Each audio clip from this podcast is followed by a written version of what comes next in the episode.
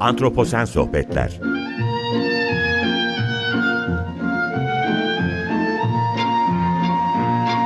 Hazırlayan ve sunan Utku Perktaş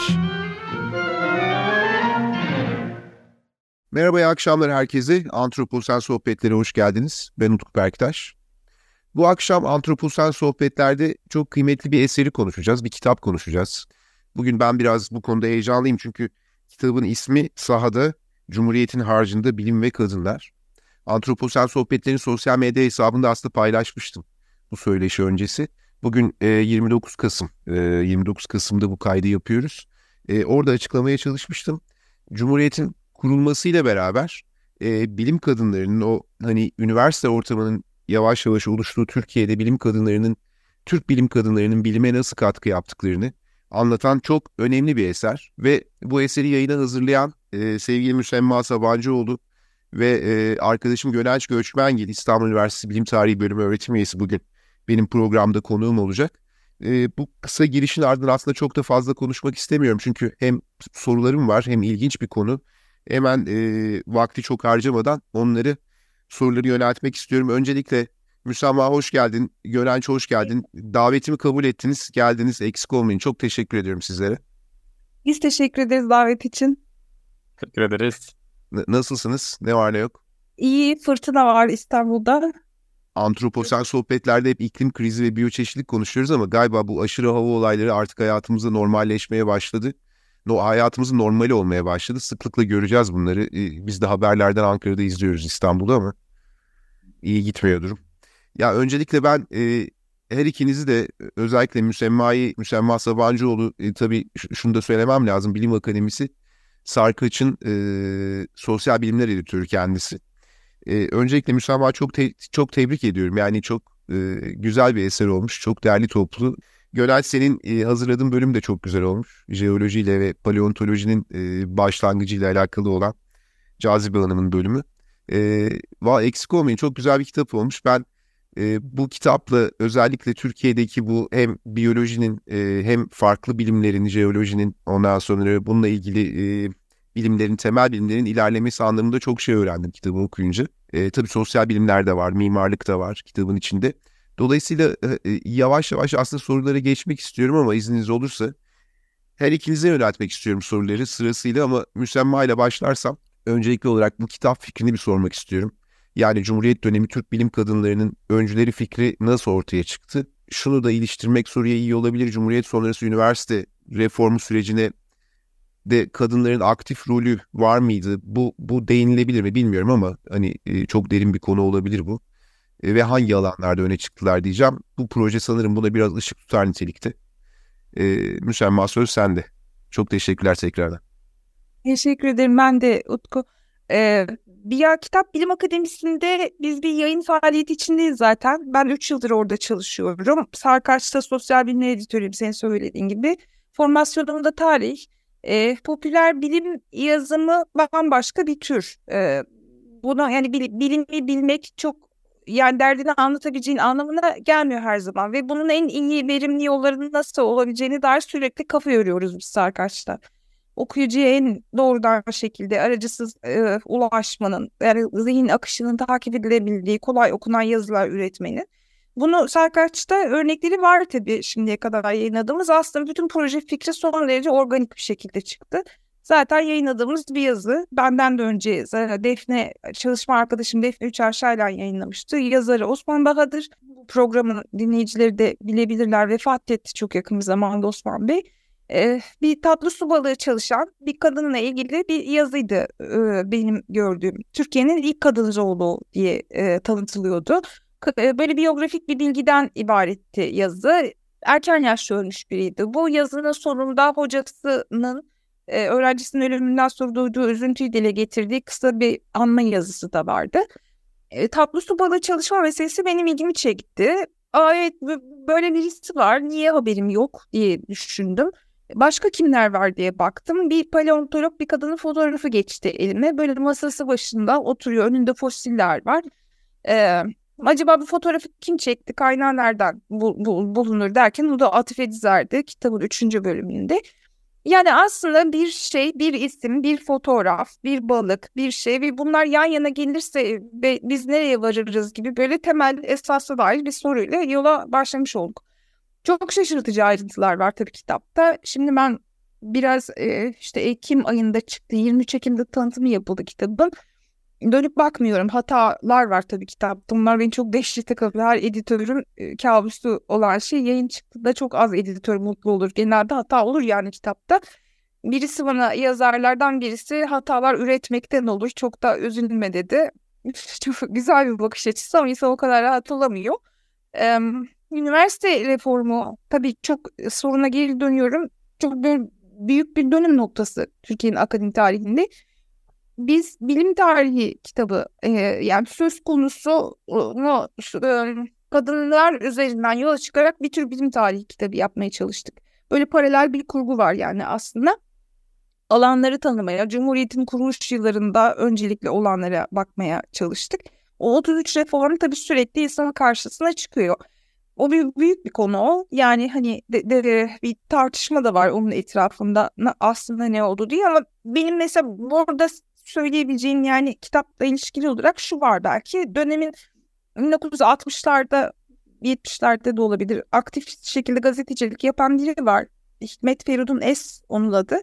İşte Hayvanat e, Enstitüsü kuruluyor 1920'lerde. 29'da büyük modern asri bir bina yapılıyor. O binaya gidiyor Hikmet, e, Hikmet Feridun Es.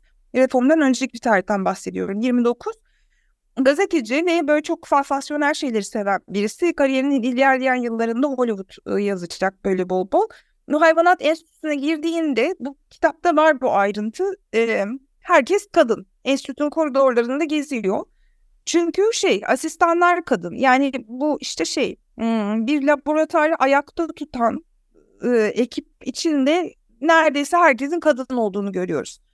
Şimdi Osman Bahadır'ın yazısına dönersek e, evet Fahir hayvan, e, hayvanat enstitüsünde çalıştığını biliyoruz. Sonra bir söyleşi yaparken şey dendi. Darülfünun Yunanistan Üniversitesi'ne geçen tek kadındır dendi. Ona da şüpheyle bakla, yaklaştık. Doğru mu bu acaba diye. Fen fakültesi için evet doğru çıktı. Yani Hikmet Feridun Es'in gördüğü kadınlar onların hepsi akademik kariyer yapmıyor ama laborant gibiler böyle bazıları. Bir takım deneylerde Bazıları da ayak işleri yapıyor belki. Kadınlar zaten genelde böyle oluyor bilim söz konusu olduğunda. E, ve şey e, yani hani kadınlar bir var bir yok. Muhtelif görevlerdeler.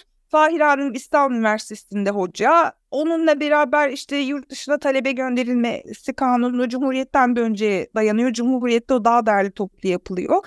Daha çok sayıda insan gidiyor Avrupa'ya. Bunlardan önemli bir kısmı kadın ama aslı rakam ne olduğunu benim anladığım hiç kimse bilmiyor e, tam olarak. Böyle bir, bir takım rakamlar var ama böyle özetleyebilirim. Daha uzatmam için şimdi orada bırakıyorum. Konuşuruz ayrıntılarını.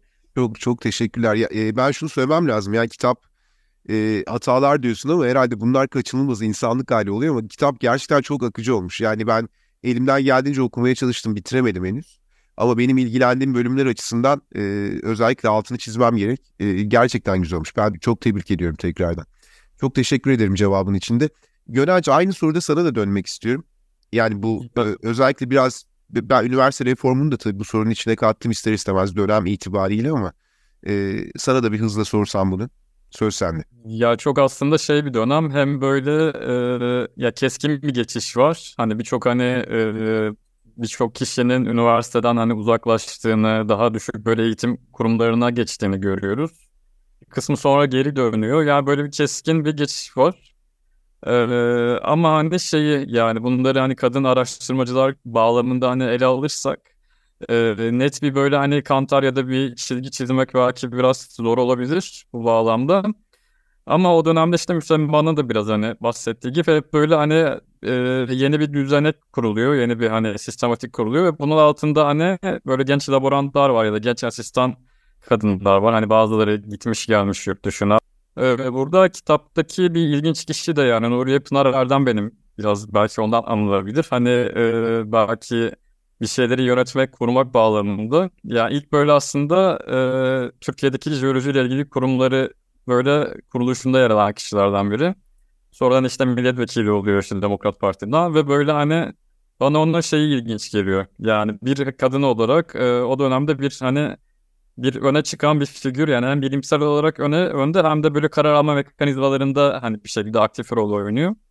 Hani bir şekilde hani sistemin içinde var ama hani genel hani kontekste bakıldığında hep böyle işte bu e, kitap bağlamında bir e, Yücel Yılmaz'la e, bir söyleşi yapmıştık. Müslema ile bir e, gidip bilim akademisi üyesi. O da mesela uzun uzun almış işte böyle maden tetkik arama var, farklı kurumlar var. İşte burada bir laboratuvarlar var işte. Fosil dairesi de bir daire var. Birçok kadın çalışıyor yani isimsiz. Bunlar sadece tayin yapıyor yani böyle no name. Hani gelen bir e, data var araziden işte farklı yerlerden. Bu kadınlar o aslında veriyi inşa ediyor, işliyorlar, hani bir yere getiriyorlar. Ama böyle görünmez büyük bir hani e, insanın popülasyonu var. Bir yandan da e, hani daha böyle öne çıkan figürler de var. Böyle bir e, biraz karmaşık bir e, konteksti var diyeyim. Ama hani yavaş yavaş kendini de inşa edip oturtan bir böyle durum var diyebilirim. Müsemma belki bir şey eklemek Evet evet ona döneceğim. Belki şuna eklememiz gerekir. 33 reformundan sonra üniversitede olan en büyük değişiklik Avrupa'dan gelen hocalar tabii. Evet evet. Önemli bir kısmı Türkçe bilmiyor. E, Ve biz kaynaklarda sürekli şunu gördük. Bizim de kitapta konu ettiğimiz isimlerden sanıyorum hepsi Fransızca biliyor zaten. Almanca bilenler var. Çok iyi Almanca bilenler var. İngilizce söz konusu değil o dönem. Bilen var ama İngilizce de bilen var. Arnavutköy'den mezun olanlar var. E, bu hocaların çevirmenliğini yapıyor bu kadınlar. Ben erkek bir çevirmen asistan adı da görmediğimi fark ediyorum şu anda. Yoktur demiyorum. Ben görmedim ama yani hani İsviçreli Alman hocaların çevirilerini hep birileri e, yapıyor ve bunlar simultane tercüme ders dersliklerde kenarda duruyorlar. Hukuk fakültesinde de bu, e, zoolojide de böyle, fen fakültesi içinde bu böyle. E, ve aslında yani hiç Türkçe bilmeyen hocalar söz konusu olduğunda bu kadınlar bu dersleri çeviri çeviri aslında müthiş alışkanlık kazanıyorlar. E, ve bu çeviri meselesi çok ilginç. Bununla ilgili ayrıca mutlaka bir araştırma yapılması lazım. Bu reform sonrası kadınları laboratuvarda görüyoruz. Çeviri yaparken görüyoruz. Kendi araştırmalarını yaparken görüyoruz. Kimileri alanlarında çok daha ileriye götürebiliyorlar işleri.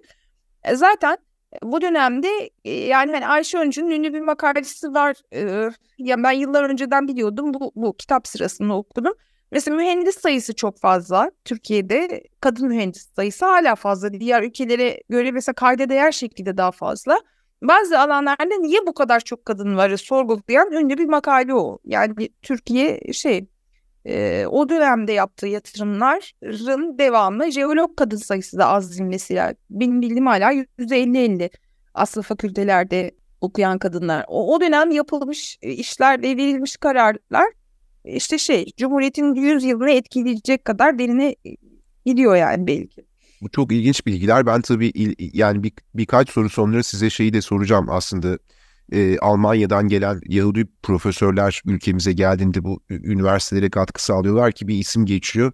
Kitapta da ortak olarak aslında birkaç ismin altında bu, bu, bu e, profesörü de görüyoruz. Zannediyorum onlar da yüreklendirici oluyor mu bilmiyorum ama onların da Türkiye'deki bilime katkıları olduğu çok net pozitif anlamda. Çok teşekkürler bu ilk soru için. Şimdi şeye geçmek istiyorum. Yani yeni kurulmuş cumhuriyet sistemi içinde kadınların üniversiteden çıkıp sağ araştırmalarına yönelmeleri, bunları destekleyen unsurlar ya da e, şu soruyla birleştirebilirim esasında. E, o dönemde sağ çalışması yapan kadınların aynı zamanda karşılaştığı zorluklar hiç dikkatinizi çekti mi? Hem yayını hazırlayan kişi olarak Müsemma senin bütün kadınlar oradaki figürler elinden geçti. Gören işte bunlardan birini yazdı yine sağ çalışması yapan. E, bir de bu, bu, bu bunlar neydi? Bu sorunlar neydi? Bunlara bir çözümler var mıydı ya da? O var tabii. Ben öne ben benim aslında kişisel olarak en merak ettiğim mesele oydu. Biz bulduğumuz her fırsatı değerlendirmeye çalıştık. Benim merak ettiğim lojistik problemlerin nasıl hallolduğuydu. Ee, yani hani bir takım yazışmalar bulduk İstanbul Üniversitesi Fen Fakültesi e, arşivinde. Yani hani bir işte Fahrebat Dalgazi Erzurum'da bir göle gidecek. E, İstanbul'dan kalkıyor. Tren hatları var tabii. Nereye kadar gitti? Erzurum nasıl vardı? Göle, gölde kaç gün çalıştı? E, nerede kaldı? Nasıl geri döndü? Kiminle gitti? Yalnız mı gitti? Falan gibi soruların bazıları için cevaplar bu yazışmalarda vardı. Genelde asistanla gidiyor mesela Fahran. Benim gördüğüm en çok gidenlerden biri de o. kısa süreli geziler bunlar. 10 günlük, 15 gün günlük Güney Marmara'ya, Trakya'ya yapılan e, gezileri var jeologların. Kalma problemi oluyor çoğunlukla. Otel yok çoğunlukla gittikleri yerlerde. E, devlet kurumları devreye giriyor böyle durumlarda. Araç gerekiyor araziye çıkmak e, için. Yani dağlık bir araziye gidecek bir jeolog. Ona devlet su işleri, karayolları, bazen köy enstitüleri e, araç sağlıyorlar. İşte bu bu önemli bir şey yani. Bu da kendi başına. Bizim kitap böyle yani. Hani yığınla meseleyi yan yana getirebilmiş olduk. Yani ilginç geliyor bana bu nasıl bu kadar çok prizmaya benzettim ben başka bir programda. Bu yani hani prizma doğru mu da onu da bilmiyorum bir yandan hala da hani yığınla mesele var. Şimdi lojistik sorunlar neydi? O biraz daha derin bir araştırmayı gerektiriyor. Biz tabii arşivlerde çalıştık. Mesela öğrencileriyle konuştuk bu kadınların. E, Atıf Hanım için gene bir örnek. Onun ikinci doktor öğrencisi İzber Hoca ile İzber Özkar Öngen'le görüştük. O 70'lerde yapmış doktora çalışmasını. O hala mesela bir kalma probleminden bahsediyordu 70'lerde. Onun doktorası Nallıhan'da. Nallıhan çok büyük bir arazi e, ve bir saha çalışmasında doktora çapında bir araştırma için bütün yazın orada geçirilmesi gerekiyor. E, yani bu, bu işte şey o İzber Hoca anlatıyordu yani hani sağlık ocağında doktorun e, yanında kalıyor. Bir noktada doktor yok. Bir bu doktora yapan bir kadın. İşte halk onu da doktor zannediyor falan gibi hikayeler var. Yani bu yemek de bir me- mesele olarak çıktı mesela hani ne yenecek. Çiğ tabii hani ona biraz daha derine gidebilsek muhtemelen çok güzel şeyler çıkacak. Hazırlıklı gidiyor kadınlar. Yani çünkü kadınlık biraz öyle bir şey yani hani e, lojistik meseleleri bir yığınla kadın zaten kafasının içinde halleder. Hani ya hallediyordur aktif olarak ya da bir sonraki meseleyi planlıyordur kafasında. Asuman Baytop için mesela hani şey halkla da tabii şeyle orada bölgenin insanıyla da iletişime geçmeleri, iletişimleri gerekiyor. Ya mesela çocuklar için her zaman cebinde şeker taşırmış Asuman Baytop. Çünkü çocuklar var yani her yerde var. İşte gittiği Çok zaman kadınlarla, evet, kadınlarla konuşuyor tabii e, temiz çarşaf götürüyor İstanbul'dan. E, bunu hatırlıyordu. Kızıyla söyleşi yaptık. E, Efe Zagner'le. Görenç şöyle bir soru aklıma gelmişti ben senin bölümünü okurken. O dönemin jeoloji açısından önemli kadınlarından biri. Cazibe Sayır'ı kitapta yazdın sen. E, şimdi bu isme ve yaptıklarına bakınca jeolojide geldiğimiz noktayı o günlerden bugüne nasıl karşılaştırabiliriz? Bir de kendisi paleontolojiyi zannediyorum kuruyor. E, paleontoloji bilim dalının önünü açmaya çalışıyor Cazibe Hanım. E, ve aslında o zaman verdiği emekler yeşererek devam etmiş mi? Bu konuda neler söylersin sana dönsem bu soru için? Kitapta üç tane jeolog var. Ee, üçü de aslında paleontoloji ile ilgili. Ya Cazibe Sayar da daha e, hem genel jeoloji hem paleontoloji ağırlıklı. Atife Hoca direkt böyle e, paleontoloji konusunda daha daha yetkin diyelim ya da daha konuyla ilgileniyor. Bir de Nuriye Pınar Erdem'in de aynı zamanda yine onun da böyle paleontoloji ile ilgili makaleleri var. Hani başka kişiler de var işte Samime Artüz var. Paleontolojiye baktığımızda e, ya daha böyle bir alan olarak böyle çok aslında iki böyle bir ucur var. Bir omurgalı ve omurgasız paleontolojisi diye. Türkiye'de böyle bu genelde çok keskin bir böyle ayrım oluyor. Genelde de e, jeoloji bölümlerinde omurgasız çalışılır. Daha omurgalı şeyler hep böyle bazen antropoloji bölümlerinde e, daha kayar hep böyle denizel fosiller çalışılan, böyle e, kayalara gömülü olan fosillerin ya da çok mikrofosillerin çalışıldığı bir sistem var. E, Cazibe Hoca'nın zamanındaki o doktorasına baktığınızda o hep, genelde hep omurgasız çalışıyor ama omurgalı fosiller de buluyor. İstanbul'un batısında çalışıyor ve İstanbul'un batısını haritalıyor. Onun yaptığı şey aslında bugün böyle nasıl diyelim hiç olmayan bir topografya artık üstü tamamen şehir dokusuyla kaplanmış bir böyle topografya çalışıyor.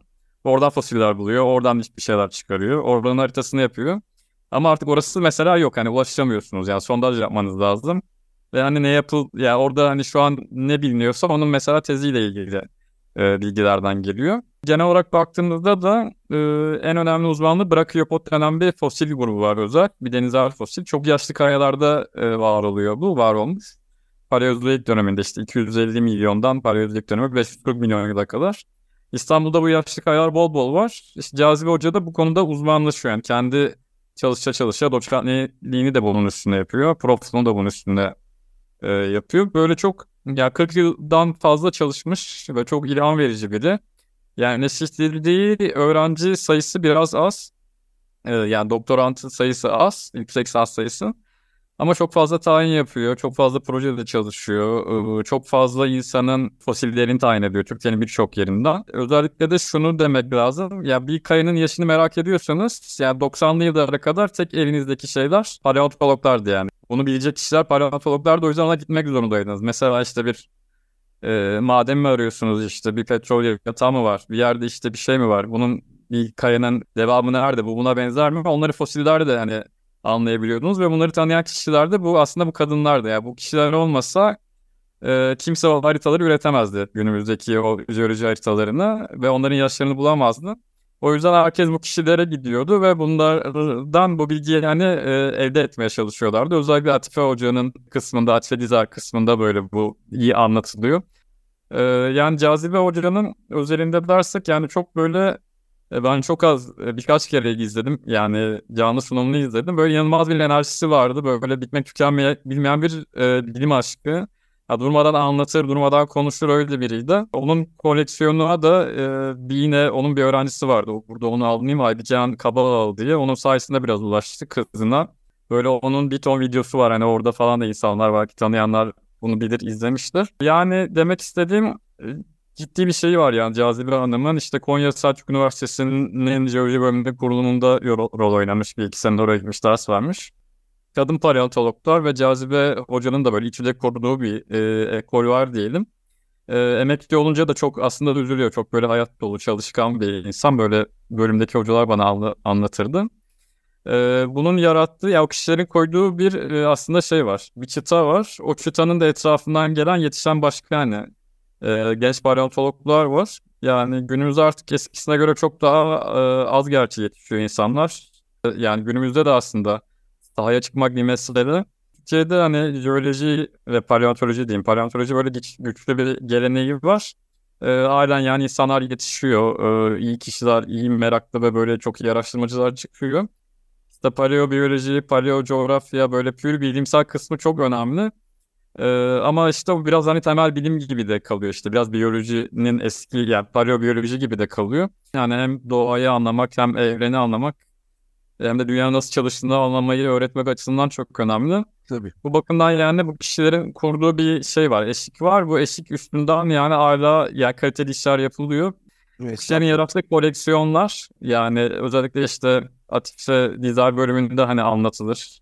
Yani işte bütün koleksiyonunu işte öğrencisi toplamış İstanbul Jeoloji Müzesi'ne vermiş. Tasnif etmişler. Onlar bir yerde saklanmaya çalışılıyor. İşte Cazibe Sayar'ın, işte eşi Malik Sayar'ın e, örnekleri var. Onlar hala İTÜ'de. Yani bir yandan da bu kişiler böyle bir müze nüvelerini de hani inşa ediyorlar. Bilerek ya da bilmeyerek bir şekilde eğitim için koleksiyon topluyorlar. Onu böyle Roma'yı müzeye dönüşüyor. Hani bunlar da mesela onların çekimdekleri e, bunların da hani çok ciddi bir şey var aslında. Yani bu ben biraz doğa tarihi kontekstinde oturtursak burada hani o doğa tarihsel aslında çalışan kişiler bunlar. Fotoğraflar çok güzel zaten o anlamda e, bölümlerdeki o fosillerin, evet. koleksiyonların. Ee, ben şey... Öyle hadi atım Gülsem abi buyursa. Neden de heyecanlandık Güneş. Paleontoloji ve kadınlarla ilgili bir şey söylemek gerekirse bu program çok doğru bir yer. Şimdi Cazibe Sayar'ı lisanstan tanıyordu bizim üyelerimizden birisi Ali Polat Kanada'da hoca. Onunla da söyleşi yaptık. Çünkü Cazibe Hanım'ın lisanstaki yaptığı çizimler, yaptırdığı işleri hala çok kıymetli e, kıymet vererek saklıyordu Ali Hoca. E, bizimle de paylaştık. Kitapta yer verdik. Ali Hoca şimdi tektonik falan çalışıyor Kanada'da. Fakat o söyleşte diyor ki paleontolojide yayın yapmak çok zordur. E, ben de aslında e, istedim fakat çok uzun yıllar alır. Ve şimdi bu doğru e, ve sonra biraz şimdi paleontolojinin ne olduğunu bilmiyorum. Senin dinleyicin Utku ne, ne kadar aşina olabilir mi? Yücel ben bilmiyordum. Yücel Yılmaz bana e, sen biliyor musun paleontolojinin ne olduğunu diyerek bir pasta hayal etmemi rica etti benden katman katman. Ve deprem oldu. Ne oldu? Pasta devrildi. Katmanlar birbirine karıştı. Üzerinden milyonlarca yıl geçti. Paleontologların görevi hangi katlar neyin neyin üstündeydi ve biz buradan neyi anlarız? İşte Nefis bir tasvir oldu yalnız onu söyleyeyim. Çok evet, ama işte oldu. Sadece Yücel Hoca yapabilir yani bu tasviri. Keşke o, yap, o yapsa yani ben ancak aktarıcı olabilirim. Şimdi bu, bu türden işten müthiş sabır istiyor. Bu da doğrudan cinsiyetle ilgili bir şey. Kadınlar yakıştırılıyor paleontolojiye. Şimdi biz Yani üç e, jeoloji, jeolojiden üç isme e, yer verdik. Atıf Hanım, Cazibe Hanım, Nuriye Hanım aslında deprem çalışan birisiydi. Ve kariyerine böyle başlamış. Yani deprem oluyor. Hep beraber İhsan Ketin'le e, ve diğer dönemin önde gelen isimleriyle bölgeye gidiyorlar. Arazi fotoğrafları var Nuriye Hanım'ın. Böyle bir noktada hafif onu bir şeye itiyor, itiyorlar. Yazıda Nilgün, Nilgün Okay yazdı o yazıyı. Evet, sen yani yeterince deprem çalıştın biraz da paleontoloji yap diye böyle. Pek de istememesine rağmen aslında oraya gidiyor. Şimdi biraz daha deşince aslında bu kadınlık ve paleontoloji meselesindeki doğrudan ilişkinin şu doğdu ortaya çıktı.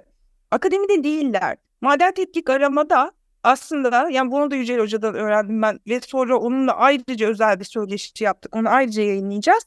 Bu kitaba giremedi. E, MTA'da şey bir paleontoloji dairesi var. Bu dairede çalışan herkes kadın Anadolu'dan muhtelif toprak örnekleri geliyor. Defalarca eleklerden geçiriliyor. En nihayetinde mikro fosiller bulunuyor. E, şimdi anlatabiliyor muyum? Saatler sürecek. Angaryası da olacak. Çok sabır gerekiyor ve işte sabır ve kadın tabii ki aa, bulunmaz hani şey e, tabii ki bunlar yan yana gidiyor her zaman. İşte erkekler de daha böyle agresif teoriye yönelik falan bilim, yapıyorlar. Bu çok ilginç bir konu. Çok ya bu kitap birçok şeye yeni bir aslında yol açıyor. Yani gerçekten çok güzel bir başlangıç. Çok güzel oldu bu bu soruda. Ben şimdi son soruya geldik. Ee, onu soracağım. Vakit hızlı akıyor. Her zaman böyle oluyor programda. Sohbet güzelse farkına varmıyoruz. Şimdi kitaptaki kadın doğa tarihçilerine bakınca bunlardan bir tanesi benim de ilgi alanım olan kuşlar olunca Saadet Ergen oldu.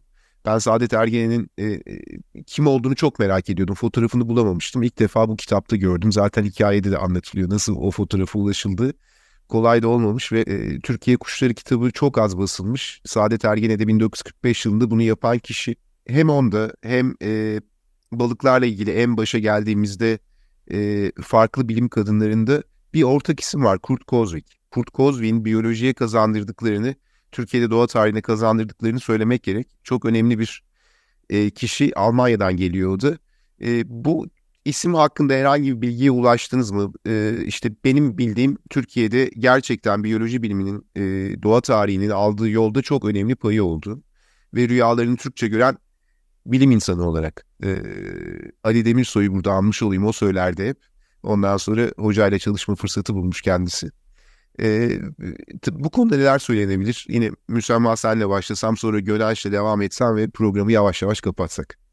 Oslik e, bir Alman, Yahudi değil ama BSS e, e, bir görevi oluyor. Yani Nazi Partisi'nin içinde bir böyle bir görevi varken bir şekilde bakıyor ki işler sarpa sarıyor ve yani hiç kendisine göre bir durumun içinde değil. Çok, çok yakın olduğu e, botanikçi Alfred Heilbronn İstanbul'a geliyor e, ve o ona davet gönderiyor. Yani sen gelmek istersen e, Andre Navil var hayvanat enstitüsünün başında o zaman o tifodan ölüyor 1937 senesinde Postvik onun yerine İstanbul'a geliyor ve hayatı boyunca kalıyor yani burada. 82'de vefat ediyor. İşte son doktorantı hala hayatta bir şekilde şey yani birkaç heykelini dikseymişiz iyi olurmuş. Yani Manyas Kuş Cenneti'nin kurucusu Balta Limanı Hidrobiyoloji Enstitüsü'nün yöneticisi son derece ilginç birisi. Onu da bilen biliyor aslında alanda.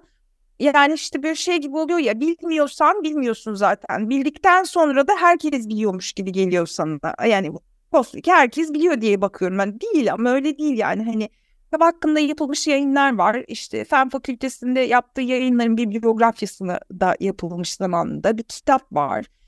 Yani Aşiyan'da eşinin yanında bebek yaşamışlar yıllarca.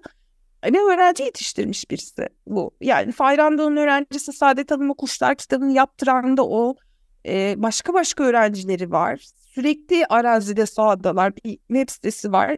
Orada fotoğraflar var. Çok iyi Türkçe biliyor ve işte çok çok iyi yani Türkçesi ama hani böyle mektuplarını okuyunca böyle ve ana dili olsa onu öyle demezdi diyor insan. Ama hani o da böyle bambaşka bir renk yani. Bu Türkiye'nin işte kurdunu, kuşunu, taşını, toprağını dikkatle bakmış, onu değerlendirmeye çalışmış, anlamaya çalışmış ve şey e, bilim, bilim bilim insanı yani genetikçi aslında kendisi.